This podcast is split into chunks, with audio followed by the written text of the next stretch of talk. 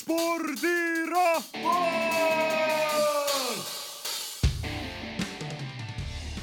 tere, kallid Põltsamaa raadiokuulajad, spordirahvas alustab.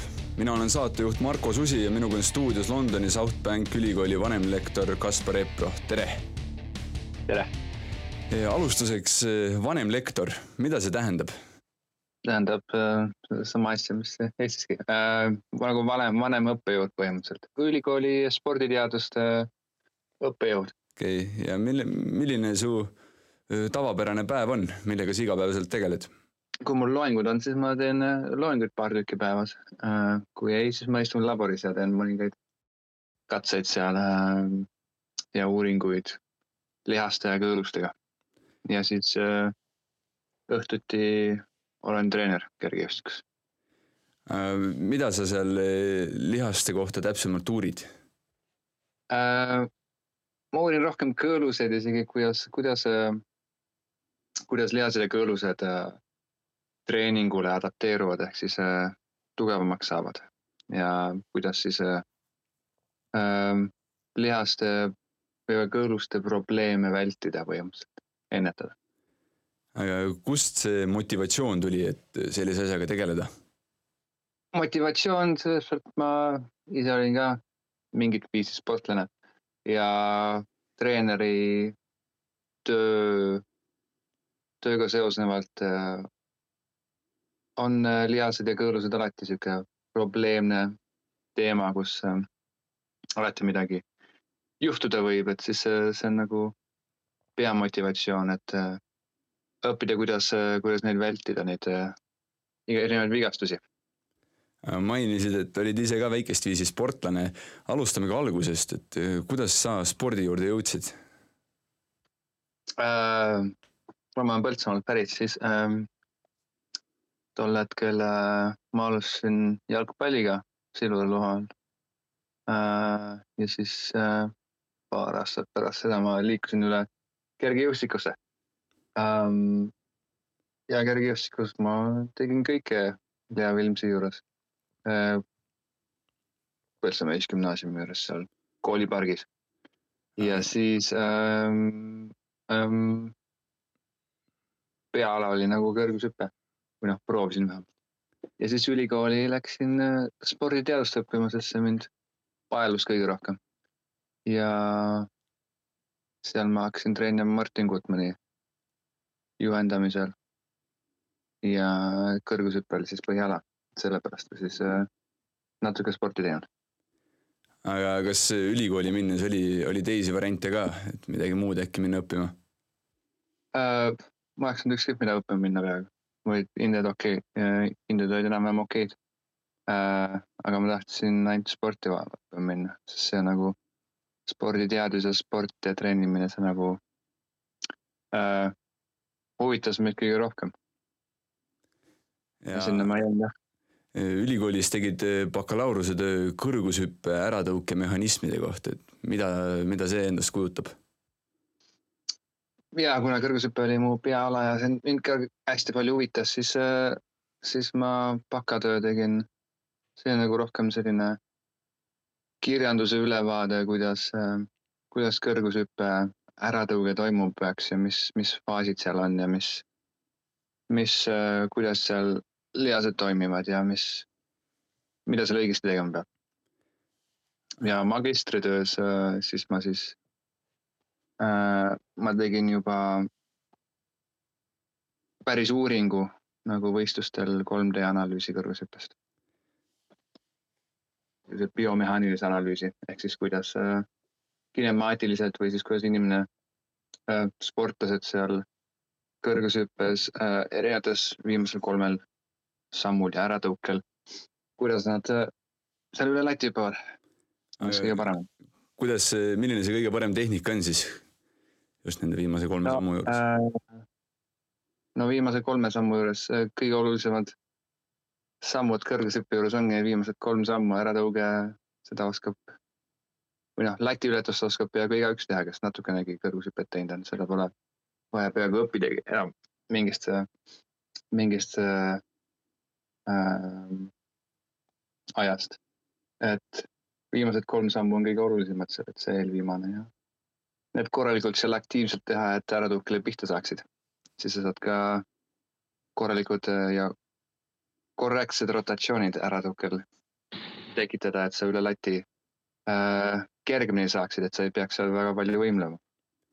tõid juba selle magistritöö sisse 3D kinemaatiline videoanalüüs, lugesin pealkirjast välja. mida see lihtrahva keeles tähendab? tähendab põhimõtteliselt ma analüüsisin, kuidas iga kõrgushüppe, keda ma seal analüüsisin erinevatel võistlustel Eestis ähm,. kuidas nad kolmedimensionaalselt äh,, kuidas nende keha äh,, erinevad kehaosad nagu ruumis liiguvad ehk siis äh, erinevatel nendel kolmel sammul ja äratõukel ja lati ületamisel seal.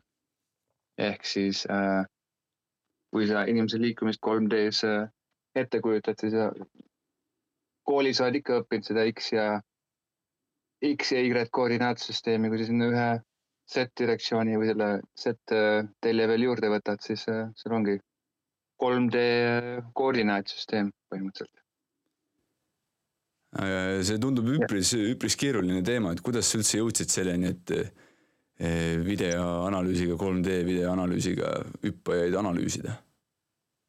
ja kuna see kõrgushüpe nagu, äh, mis mind väga paelus, siis äh, ma läksin ka ühel hetkel vahetusüliõpilasena Saksamaale äh, Kölni spordiülikooli.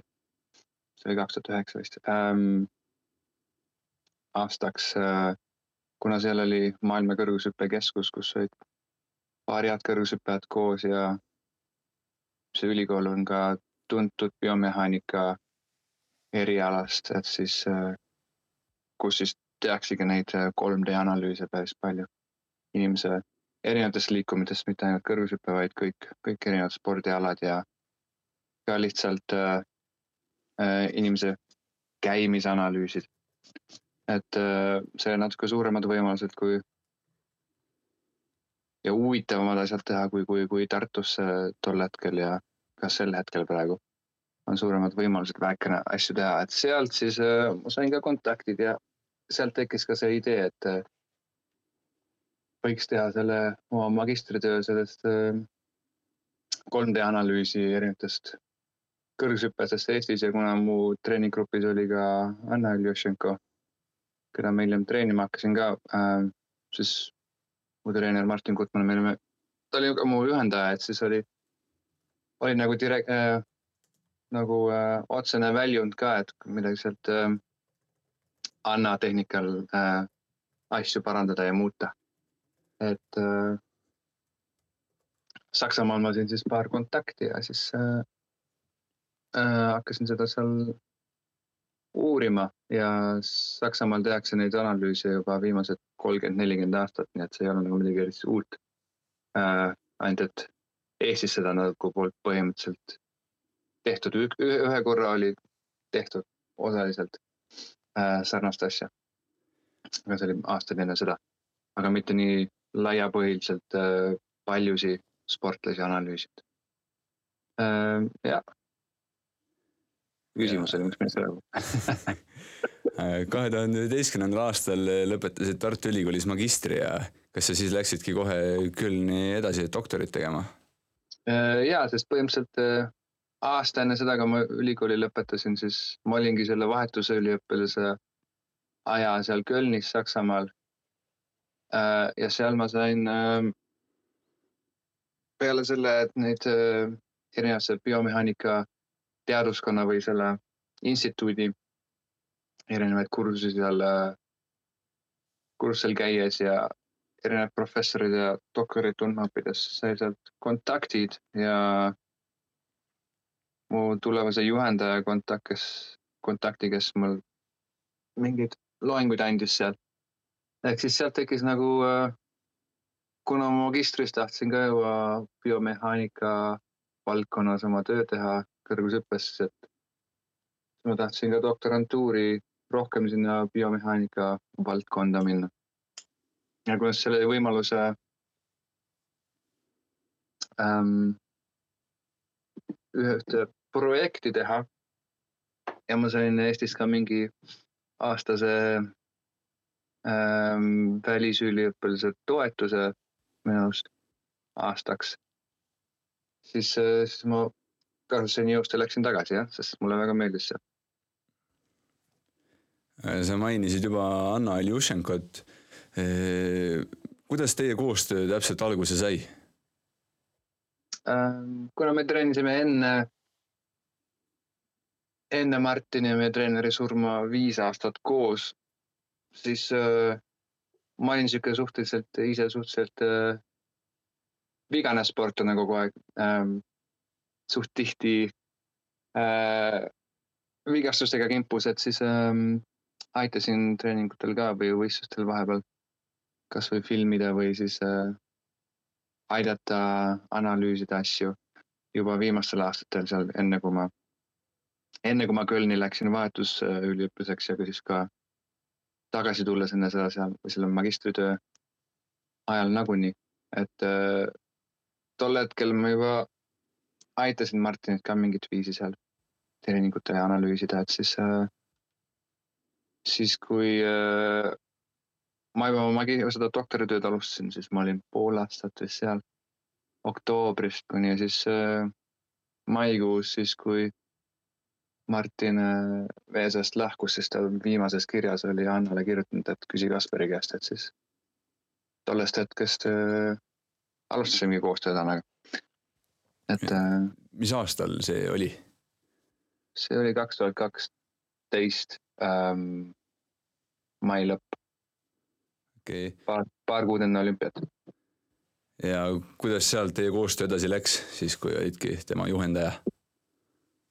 ei no äh, siis ma kirjutasin lihtsalt plaane ja ähm, proovisime, mis tol hetkel võimalik oli nagu äh, äh, online'is äh, ka miskit viisi juhendada, et ma treeninguid saaksin vaadata, et põhimõtteliselt oli see, treeningplaanid kirjutasin valmis kuni, kuni, kuni suve lõpuni ja basee. kuna Martinil ei olnud nagu plaani teha, oli plaanid tehtud kuni tolle hetkeni, kui, kui ta lahkus põhimõtteliselt, tal ei olnud nagu kirjas täpselt, mida me nüüd täpselt, mida nad suve lõpuni teevad, et siis me äh, baseeruvalt, mis ta enne teinud olid, tegime plaanid, tegin äh,, võtsin kõik plaanid, mis Annal sinnamaani Tartus olles ja ka Sillamäel olles äh, tehtud oli, et me võtsime siukse ähm,, võtsin kõik plaanid ette ja vaatasime, mis me teha saame. et, et äh, esimene võistlus oli Euroopa meistrivõistlused, see oli äh, kaheksakümmend kvalifikatsioonist edasi, aga sel hetkel oli Anna üliheas vormis, et äh, nädal enne seda õppis treeningut üheksakümmend, treeningul üheksakümmend kaks, et seda väga tihti ei juhtu, et Anna treeningutel nii kõrgele hüppab. aga seal rada oli natuke liiga kiire, et saanud pihta sellele Helsingis ja Londonis läks natuke nihu, kuna ta jäi haigeks nädal aega enne seda ja põrutas kanna ära. aga järgmine, järgmine aasta läks nagu enam-vähem, sai uue Eesti siserekordi hüpatud ja jälle MM-il ja medal universiaadil ja oli päris tore aasta seal jälle. aga kuidas sul, kuidas sul ise üldse oli, et kohe alguses EM ja siis natukese aja pärast olümpiamängud ka otsa, et kas oli, oli kuidagi mingi, tundsid mingit pinget ka ise või, või kuidas see enesetunne oli? ei no ikka oli mingi pinge jah, et visati põhimõtteliselt äh, pea ees vette äh,. eks ma nagu nii plaane või nii nagu äh, pikalt nagu ülikoolis ikka seal koolides teinud, aga ma ei olnud nagu kedagi nagu otseselt äh, treeninud põhimõtteliselt äh, nagu aastaid, aastale, aastaid läbi niimoodi või lapsi seal natukene, aga mitte, et nagu äh, pikaajalist ette planeerida võistlusi ja aastaseid ettevalmistusi, et seda ma ei olnud nagu äh, teinud, uurinud ikka olid ja ähm, teadmised, mingid, mingid algsed teadmised ikka olid. ja seda, mida mida Martin nagu ähm,, Martini äh, ähm, nagu baas, baastreeningplaanid, et tema ideed nagu olid nagu selged, et selle baasil siis põhimõtteliselt sai ka tegutseda. et siis nagu natuke oli nagu, et pea ees vette, aga selles suhtes ega seal päris uut ratast ei olnud vaja nagu kiiresti leiutada, sest et äh, lihtsam ja õigem tee ole, oli ikka samu asju või sarnaseid asju edasi teha, et see oli juba põhimõtteliselt äh, hooaja esimene võistlus ei alanud, et ega seal mingeid uusi tsükleid enam, treeningtsükleid enam sisse ei saa, saanud viia, et suur töö oli juba tehtud selleks hooajaks, et see põhieesmärk oli seal nagu vormi hoida. et selleks ei ole vaja nagu väga palju äh,, väga palju äh, teha. sel ajal õppisid Kölnis, aga kas siis suvisel perioodil olid Eestis ja olid siin kohapeal, tegutsesid? ei olnud, sellel täpselt samal hetkel olid, ma olin ma, olin ma Kölnis, aga ma käisin suhteliselt tihti Eestis ja äh, nii palju, kui ma sain, sest mul täpselt samal hetkel alg algasid mul äh, oma doktoritöö äh, mõõtmised ja asjad, et äh, aga kaks tuhat kaksteist, siis oli natuke vabam, siis ma sain natuke rohkem käia tegelikult, kaks tuhat kolmteist mul läksid rohkem need suuremad mõõtmised. et äh, käisin küll Eestis jah äh,, mitu korda ikka suve jooksul ja pärast seda ka korra kuus sai ikka käidud.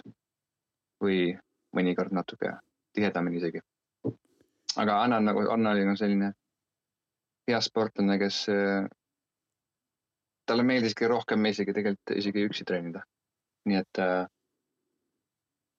kuna ta samaaegselt ise äh, õppis ka ülikoolis äh, arstiteaduskonnas äh, ortodontiks ja siis äh, oli ka praktikal, nii et ta oli tegelikult kas siis tööl või, või, või, või, või ülikoolis, et äh, ta treeningud alati nagu teistega suhteliselt tihti teisel, teisel ajal. ehk siis äh, ta on niisugune lihtne sportlane, et tal oli vaja ainult plaan ette ja ta tegi kõik ära. Ja kui oli vaja filmida, siis filmisime ja nii sai siis tol hetkel tegutsetud. Aga mainisid oma doktoritöös mõõtmisi, tegid põlveartroosist, uurisid seda. Jällegi, mis on juba baasküsimuseks saanud, et mida see rahvakeeles tähendab? põlveartroos on põhimõtteliselt ähm, ähm, põlvekõhre kulumine, erinevad staadiumid, ehk siis sul on, kui sul on, põlv on nagu liiges, ehk siis liiges on põhimõtteliselt äh, ühendkoht kahe luu vahel, ehk siis äh, reieluu ja, ja sääreluu vahel sihuke ähm, liiges, mis äh,, mis kuluvad nagu üksteise vastu, kui seal äh, Äh, kõhre poleks, ehk siis mõlemas otsas on nagu kõhr, sihuke väike kiht äh, äh, pehmemat materjali, mis siis äh, hoiab ära, et äh, luu luu vastu ei käiks. aga vanemas eas äh, hakkab see pahatihti kuluma või siis, kui sa sporti teinud oled natuke liialt palju, siis hakkab see natuke varem kuluma seal. et siis äh, see oligi mu põhi põhitöö seal jah, mu doktoritöö või projekt põhimõtteliselt oli põlveartroosi patsientide üle kuuekümne viie aastaste öö, naiste öö, uuringud, erinevad põhimõtteliselt. kõik, mida me seal Biomehaanika Instituudis teha saime, me ka tegime. aga lõpuks doktoritöösse äh, teema lõpuks oli natuke teistsugune nendesamade patsientidega, et äh, see läks teemaga rohkem äh,, kuna ma treenisin neid poolteist aastat seal äh,, et nende äh, säärelihaseid tugevdada, sest need äh, atrofeeruvad või siis lähevad nõrgemaks natuke kiiremini kui, kui äh, muud äh,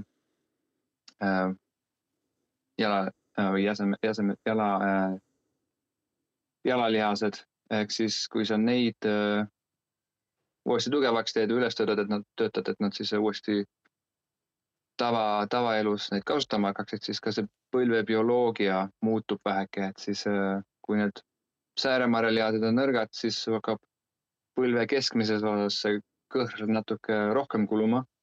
ja kui see väga palju kulub, siis käibki luu luu vastu ja siis ongi valus ähm,.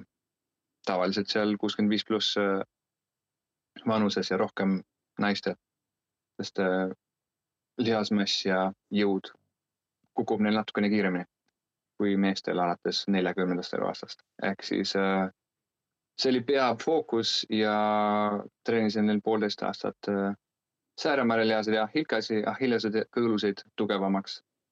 siis oligi, et osa sellest tööst oli nagu, kuidas äh, neid üles ehitada, et kas siis äh, äh, arenevad sarnaselt äh, noortele inimestele trennides või siis äh,, või siis mitte. ja kas siis äh, üks osa oli sellest doktoritööst mul ka uurida, kuidas vanematel inimestel kukkumise vältimisega on, ehk siis kuidas nad suudavad äh, äh, kukkumisi vältida, kui ma neid äh, äh, ette teatamata jooksulindi peal ühest jalast tõmban, ehk siis kuidas nad seda kukkumist väldivad, kui reaktiivsed nad seal on. ja siis ma uurisin, et äh, kui suur osa sellest äh, on seotud sellega, kui tugevad sul sääremäärilihased on. sest need lähevad nagu, saavad nagu kiiremini ja kaotavad oma tugevuse ja, ja, ja. ja siis ma nägingi, et äh, ähm, säärelihased on olulised ja Achilleuse tugevus ka äh, kukkumise vältimiseks, aga et äh, kui sa neid kukkumise sarnaseid ähm, ootamatuid äh, takistusi läbi teed, siis äh, see on isegi, isegi olulisem kui lihtsalt äh, lihaste tugevus äh,. ja see oli põhimõtteliselt osa, et siis põhimõtteliselt mul kaheksakümmend kuni üheksakümmend protsenti sellest tervest doktoritööst on veel põhimõtteliselt avaldamata ja siis varsti avalda, avaldamisel loodetavasti. aga kui keegi praegu kuulab ja mõtleb, et jubedalt tahaks ka säärelihaseid ja hillesekaulust tugevdada, siis millised on need kõige peamised harjutused, mida tegema peaks? ja ähm, säärelihastega või siis lihastega üldiselt on äh, suhteliselt lihtne äh,. lihaste tugevdamiseks äh, pole väga palju vaja teha, on vaja midagigi teha äh,. sest lihased äh, arenevad suhteliselt lihtsa, lihtsasti äh, või lihtsam lihasjõud areneb väga kiiresti. isegi suhteliselt äh, väikeste äh, protsentidega oma maksimumist äh, jõudu tehes Ta. tavaliste vahenditega jõusaalis. sääremarjaga on jõusaalis ka suhteliselt lihtne, kas siis sa võtad endale äh, kangi selja peale ja teed sääre, sääretõuse või siis on need masinad jõusaalis, kus sa teed ka äh, äh, või pöiatõuse ja pöiatõuse seal, kus sa istudes saad teed ähm,. Ähm, plantaflexion, mul ei ole eestikeelset sõnadki meeles ähm,. kui sa sääre, kui sa pöia, pöia, pöiasirutust põhimõtteliselt teed seal masinal. ehk siis need on sääremäärade suhteliselt head, aga kõõlusega on teine lugu kui lihasega, et see, see on ka üks suur osa mu terves selles äh, teadustöös, et kuidas, kuidas kõõlused ja lihased saaksid äh, harmooniliselt või siis äh, üheskoos suhteliselt sarnaselt areneda, et tavaliselt on nii, et lihased arenevad natukene kiiremini kui kõõlused sellesama jõu juures või sellesama ütleme intensiivsuse juures, eks. Sa pead suhteliselt tugevate raskustega üldse treenima, et äh, kõõrus üldse areneks, et siis äh, kõõrus lihas areneb peaaegu ükskõik mis äh, raskustega, väikeste raskustega, kui sa palju kordusi teed või siis, või siis suurte raskustega, et sa lihase suuremaks teha ja tugevamaks teha, aga kõõlus selles juures ei arene, kui need, kui need raskused ei ole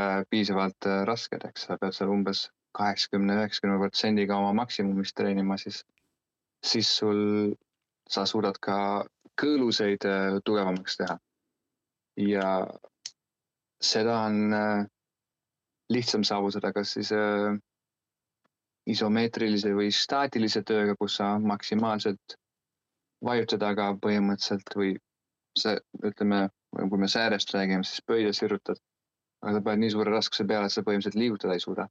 See on põhimõtteliselt isomeetriline, kus sul väliselt nagu ütleme, pöialiigese nurk või pöialiiges midagi nagu ei muutu väliselt, aga tegelikult nagu seal lihas töötab ja kõõlus venib, mida väljaspoolt äh, ei näe, kui sa, mida ma tööl töiselt väga tihti kasutan, on ultraheli, siis sellega saab nagu lihtsalt näha, et äh, isegi kui väliselt äh, paistab, et midagi nagu ei toimuks, siis sa saad näha, et lihased on aktiivselt töös ja ka, kõõlus, kõõlus venib, et kõõluse ainuke funktsioon on lihasjõude su skelettsüsteemile üle kanda.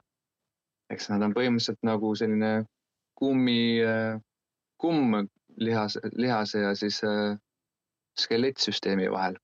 ehk siis, kui ta lihasjõud nüüd, nüüd äh, liiga tugevaks läheb ja kõõlus ei ole tugevamaks läinud või siis seal ei ole suuremat, jäigemat, tugevat äh, kummi seal kõõlus ja skeleti vahel, siis see kõõlus võib, võib katki minna.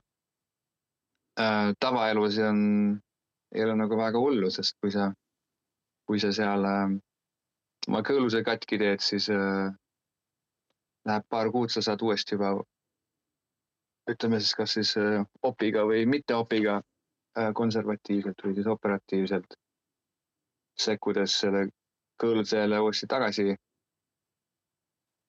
mingisse asendisse viia, viia, et aga kui sa sportlasi vaatad, siis äh, kui kõõlus katki läheb, siis on väga raske neid algomadusi, mis kõõlusel ennem oli, tagasi saada, kui mitte võimatu. Ehk siis äh, ainus võimalus on natuke oma, natuke või rohkemal määral oma tehnikat muuta, et äh, väga tihti eliitsportlased sa samale tasemele enam tagasi ei tule. aga on ka, on ka, on ka vastupidiseid näiteid. ja, et siis põhimõtteliselt äh, kuna ma tegutsen hästi palju tihti ka Saksamaa kergejõustikukoondisega ja erinevate eliitsportlastega ka, ka, äh, ka Inglismaal või siis muudes maades ja treenin teisi, siis äh, ma kasutan hästi tihti just isomeetrilisi ähm, ähm, või siis neid staatilisi harjutusi, kus ma põhimõtteliselt kuskile ähm, põhimõtteliselt liikumatule ähm,, liikumatus positsioonis äh, lihast aktiveerin nii palju, et see on lähedal kuskil üheksakümne, kaheksakümne protsendile, et siis ma olen ka suhteliselt kindel, et kõõlus saab ka piisava äh, äh, stiimuli kuule, väga huvitav on kuulata nende kõõluste kohta, sest et ma seda polegi nagu mõelnud. ma nii palju nagu tean, et tihtipeale, kui Ahilka läheb, siis nagu edaspidi nagu eriti korvpallis näiteks mingi Kobe Bryanti näitel, et Ahilka läheb, siis enam nagu tagasi sellele tasemele ei jõua, aga aga seda treenimise osa ma ei teadnudki. Ja, ja ei, sinna on raske tagasi saada jah, sest mul on ähm, no Saksamaal ma olin kergejõustiku kõrgushüppekoondisega just eriti tihti äh,. ma mõõtsin neid ka hästi tihti ja seda Ahhikat ja asja, et siis ega seal on paar äh,, paar tüdrukut, kes polegi tagasi saanud sellele, sellele ähm, tasemele. või siis, kui üks teivashüppe tüdruk, siis seal teivas on natuke teistmoodi, sa kasutad teivast, siis on natuke lihtsam. saad natuke tehnikat muuta, siis saad peaaegu samale tasemele, tasemele tagasi isegi, aga sprindis on peaaegu äh, on suhteliselt raske või hüpp-, sprindis on isegi võib-olla lihtsam kui hüppealadel. ja siis sellepärast tulebki korvpall on natuke teine korvpall, jalgpall, seal tulevad juba muud liikumised sisse, siis on äh, veel raskem. Või ainult mis ühesuunaline liikumine. okei okay,, seda on päris huvitav kuulda. teeme siit äh, väikese pausi ja, ja kui tagasi tuleme, siis jätkame sarnasel teemal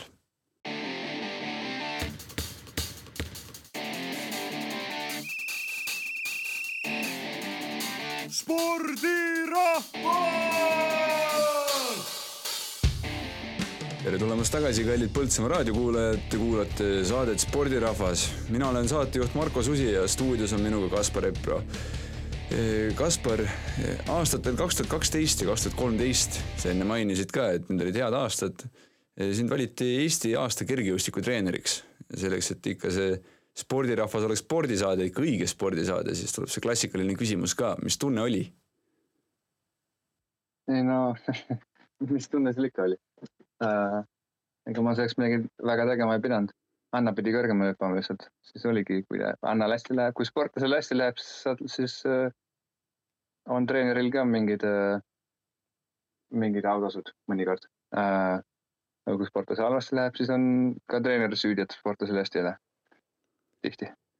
ega kui... mis seal, ikka, hea tunne, hea tunne oli ikka, et sportlasel hästi läks kui pikalt eh, sinu ja Anna Iljušenko koostöö kestis äh,? alates äh, algusest kuni lõpp, alates sellest ajast, kui ma teda äh, treenima hakkasin, kuni, kuni ta oma karjääri lõpetas äh,. kaks tuhat kuusteist, neli aastat äh,. enne seda, üks oli seal vaheaasta, kui ta lapse sai, siis me proovisime veel äh, olümpiale saada üks sentimeeter jäi puudu kahjuks äh,. kõik need dopinguvenelased olid seal ees või siis muud äh,, muud sportlased, et see jäime napilt välja kahjuks äh,. aga see oli ka väga hea kogemus jälle äh, treenida kedagi, kellel on äh,, kes on just äh, lapse saanud, siis oli ka nagu kaks, kaks erinevat inimest äh, treenida ehk siis keha selles äh, faasis pärast sünnitust reageerib märksa teistmoodi, kui see enne oli.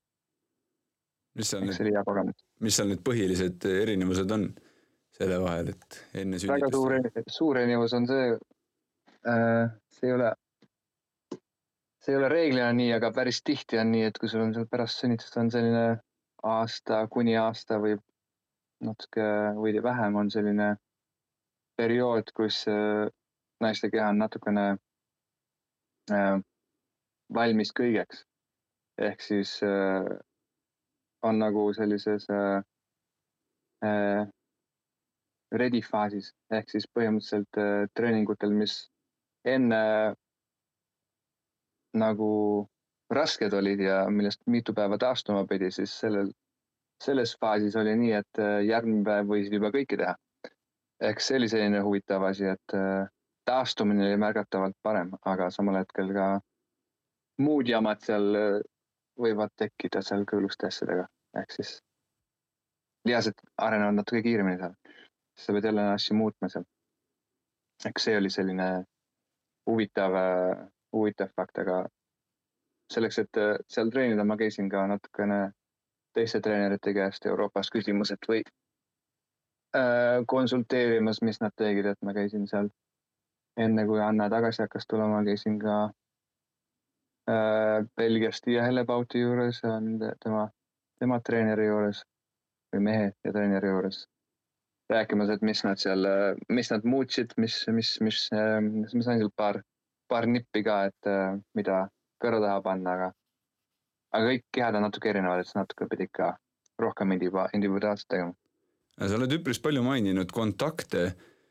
Kui oluline on see, et sul on treenerina kontaktid äh,? See on vast, et olulisem kui äh, äh, isegi kui ma olen üli, isegi kui ma olen ülikooli õppejõud, siis see on vast, et olulisem kui ülikoolis õppida äh,. sest et äh, sa võid kõike teoreetiliselt seal õppida, aga erinevate treenerite äh, kogemused läbi aegade, mida ma sain Martini käest, mida ma sain eelmiste oma, oma treenerite käest, aga, aga, aga mida ka ma järgnevate kontaktide käest sain, et see nagu aitab mind äh, otsuseid teha ja vastavalt äh,, vastavalt sportlasele või mida ma näen, et äh, et äh, teaduses on kõik äh, ei ole, ei ole ka väga asjad kõik lihtsad ja ei lähe kõik täpselt niipidi, aga spordis on veel äh, see keha teoorias sa arvad, et see võib sinna suunas minna, aga hästi tihti see ei, ikka ei lähe nii selles suunas, isegi kui sa arvad, et sa kõike õigesti teed.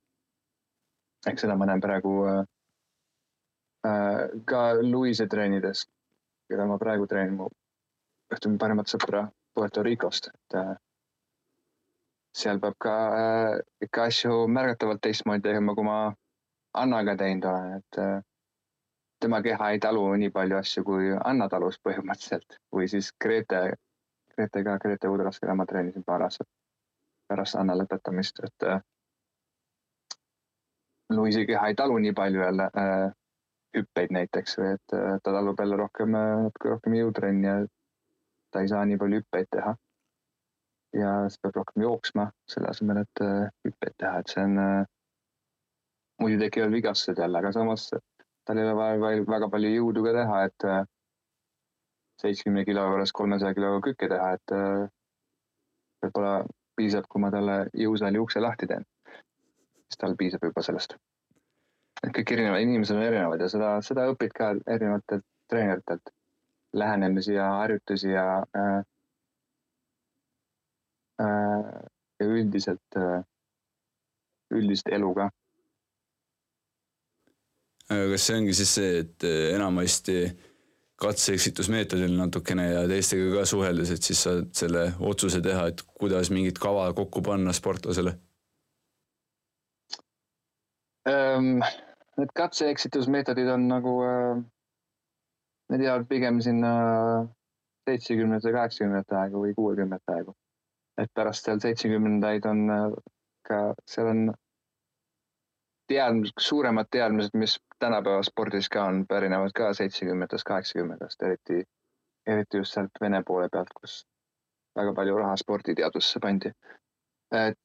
treeninguteadus väga suuresti äh,, suuremas osas on enam-vähem teada, aga see on nagu ikka äh,, sul peab olema nagu abc plaan äh, oma sportlasega, et siis kui sa, üks asi ei toimi, siis sa tead, mida mida järgnevalt teha või midagi muuta, et äh, muidu sa jääd sinna tupikusse.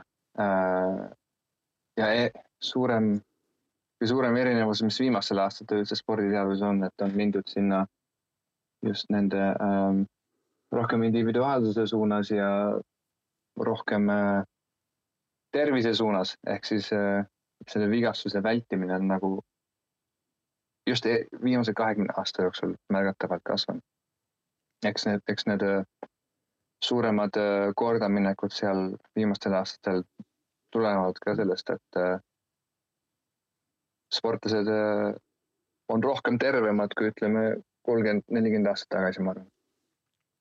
palju, väga palju erinevat ei tee. osasi asju nipet-näpet. et enamused suured asjad, paljud asjad on nagu, on teada ja läbi proovitud. peab lihtsalt teadma, mida proovida, et sa valesid asju ei proovi aga seda pead siis äh, natuke katse-eksitusmeetod ka, et sa, sa pead proovima, mis su sportlasega sobib, et kõrgushüpe on selline, just eriti selline kapriisne ala või, äh, või seal on nii palju erinevaid sportlasi ja nii palju erinevaid võimalusi üle selle lati hüpata. Äh, seal ei ole nagu mingit kindlat tehnika või sada protsenti seina raiutud äh, äh, tehnikamustrit, mida sa jälgima peaksid. sest et äh, kõrgushüpe ei ole lihtsalt otsejoones jooksmine.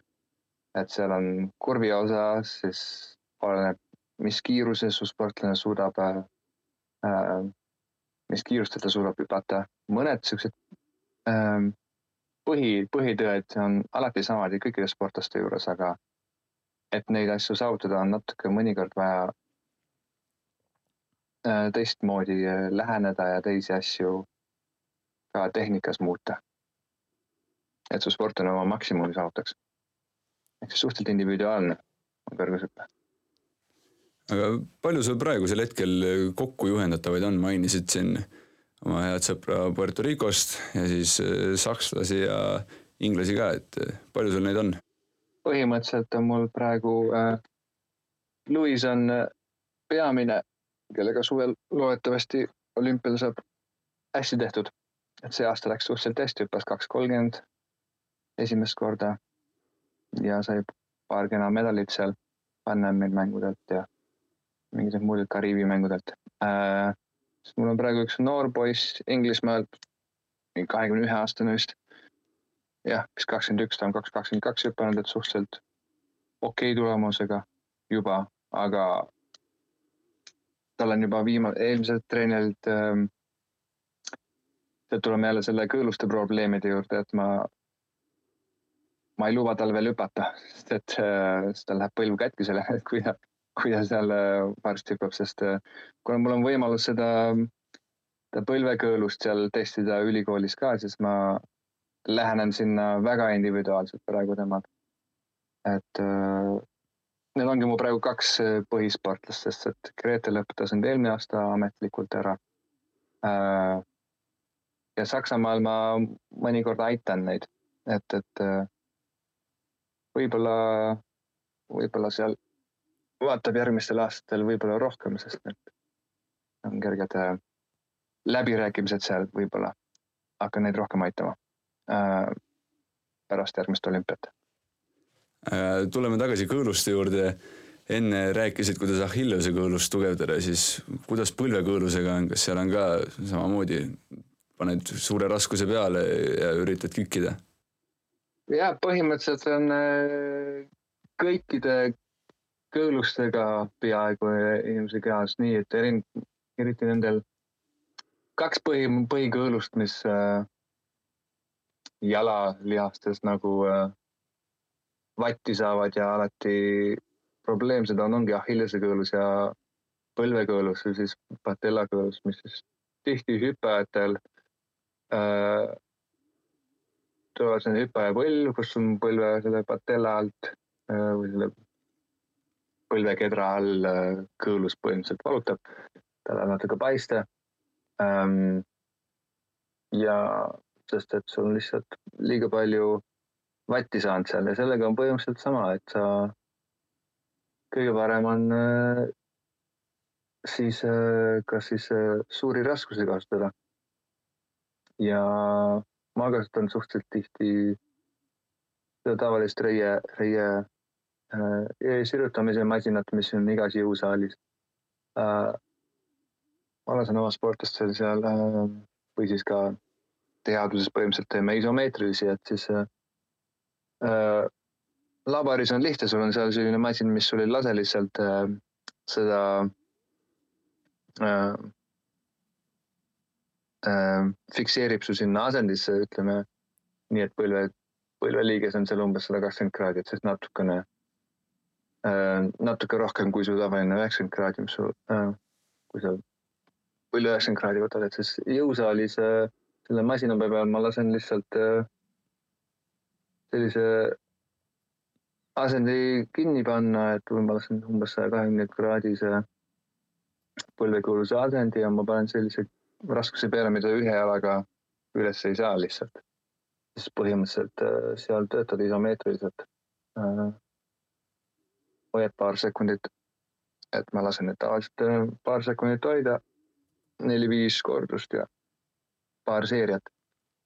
ja kui sa seda kolm, maksimaalselt neli korda nädalas teed, siis on piisavalt aega ka nende treeningute vahel taastuda kõõlusele vähekene et siis ka, siis peaks ka see kõõlus äh, tugevamaks äh, saama või siis, et sellest äh, tendiopaatilisest või siis ta ei ole päris põletik ametlikult. et ta on rohkem selline ülekoormusvigastus, kus kõõlus koosneb siis erinevatest kollageenifiibritest põhimõtteliselt või kollageeni molekulidest ja, ja neid siis et neid tugevdada ja uuesti üles ehitada, siis need, kõõlusel on vaja suuri jõude. ja siis me töötamegi seal isomeetriliselt. et see on see siiamaani äh, minu arust äh, parim või lihtsamini kontrollitav äh,, kontrollitav treening. on ka võimalusi seal aeglasi äh, suure raskusega teha, aga siis äh, seda on äh, raskem kontrollida jälle, et sul kõõlust seda õiget, õiget koormust tahaks. sest erinevates asendites ka saab su, saavad su lihased erinevaid jõude rakendada. ehk siis põhimõtteliselt nendes parimates asendites, kus ütleme, liigeste nurkades peaksid sa ka treenima. kui ma tulen korra täiesti algusesse tagasi, kus sa rääkisid oma päevaplaanist, siis mm -hmm. tekib küsimus, et kuidas sa kõike seda jõuad, et ja anda loenguid, möllata laboris ja anda trenne ka ja, ja kõige sellega tegeleda, et kust sa selle aja ja energia võtad? energiat ma ei tea, kust ma selle võtan. aja ma võtan aja, aja arvelt. Aja ma võtan une, une arvelt. väga-väga palju. ehk siis, kui vaja tänapäeval on nüüd lihtsam ka natuke online trenne teha, et siis kui ma Luis tehnikatrenni teeb, siis me paneme kaamera üles ja 5G on praegu väga hea ühendusega, et äh, ma ei pea mingit telefoni ja wifi't seal otsima või selle arvutit ja wifi't ja veebikaamerat otsin, et paned telefoni üles ja vaatad, kuidas Luis kõrgust hüppab, aga, aga nelja-viietunnine ajavahe tähendab mõnikord seda, et ma vaatan kell üks öösel seda treeningut äh, aja, see tule, aeg tulebki magamise arvelt. kui palju sa siis ööpäevast keskmiselt magad? ma ei tea. ma ei tea, millal ma viimati seitse-kaheksa tundi magasin. kas see tervisele halvasti ei mõju? eks ta kindlasti mõjub. siis ma üritan aeg-ajalt ikka natuke rohkem magada. okei okay.. see on, see on selline tavaline treenerite või teadlaste probleem. ei maga ja ei, äh, ei tee ise piisavalt äh, trenni, tead küll, mida, mida teistele öelda, et mida teha ei tohiks aga kui pidevalt teed palju tööd ja und vähe ja kõik, et siis äh, kas mingi läbipõlemise probleemi ei ole tekkinud kindlasti on, aga ma olen vist natuke liiga traditsiooniline mm, eestlane. Te teie õigus seal äh, teed seda kraavi edasi, mis seal ikka äh,. ei no ma natuke ikka võtan natuke aega maha ka rohkem, kui doktoritöö ajal oli natuke raskem. nüüd on mul endal doktorandid, kelle ma saan natuke tööd edasi anda.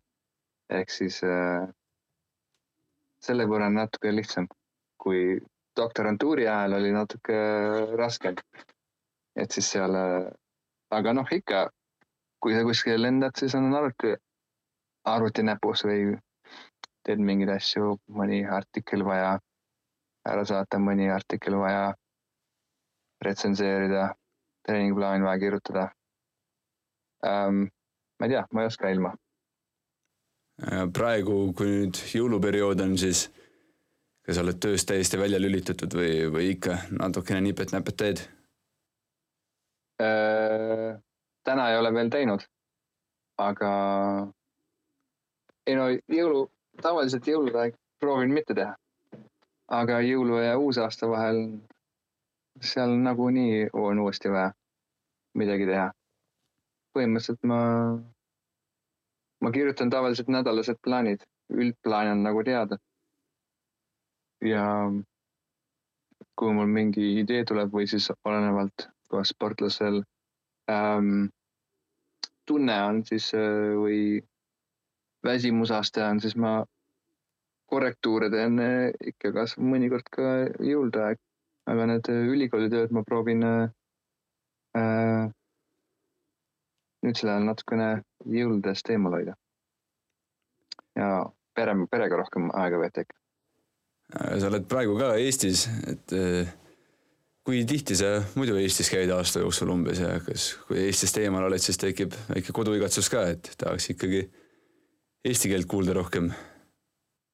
ei no ikka jah, no noh, telefonitsi jääd ikka suhtled, aga ähm,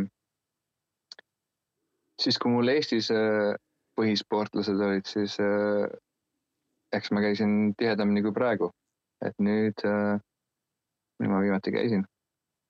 kaks kuud tagasi või kolm kuud tagasi käisin.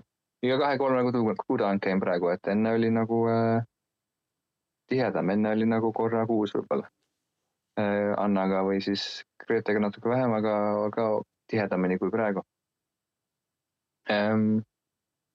Ja ikka, ikka tekib igatsus äh,, eriti Põltsamaaga seotud või, või siis äh, äh, selle piir, piirkonnaga siin. lõpetuseks hakkame vaikselt otsi kokku tõmbama. oled sa mõelnud, mis su järgmised eesmärgid elus on ja tööalaselt ka? ei no ähm, mulle meeldib äh,, mulle ei meeldi nagu sajaprotsendiliselt ainult äh, teadusele või akadeemiale pühenduda, sest et see sport on nagu äh, väga hingelähedane ja äh, eesmärk spordis on lihtne, on juhendada keegi olümpiakullale äh,. lihtne mõelda, aga raske teha. ja akadeemias on järgmine samm on professori koht ja neid kahte ma üritan. Yes, see on selles, selles valdkonnas äh, eesmärgid. aga kui kaugel hetkel aastate lõikes umbes see professori koht olla võib ähm,? oleneb, palju äh, teadusraha sa sisse tood, siis on võimalik, Inglismaal on natuke lihtsam kui ütleme Saksamaal, Hollandis, kus on vaja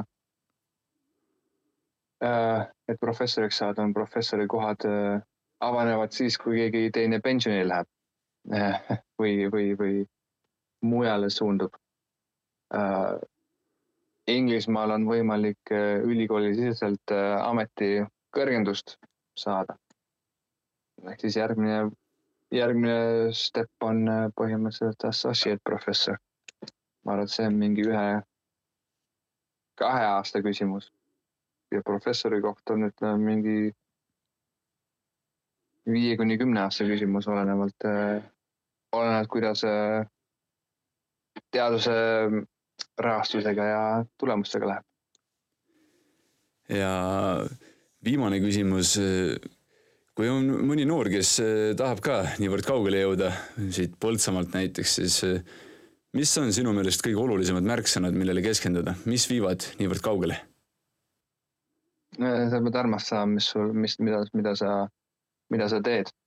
ja kui sa armastad või sulle meeldib, mida sa teed, päriselt meeldib, mida sa teed, siis, äh, siis sa teed ka selleks äh, kõike ja kasutad kõiki, kõiki võimalusi, mis sulle antakse.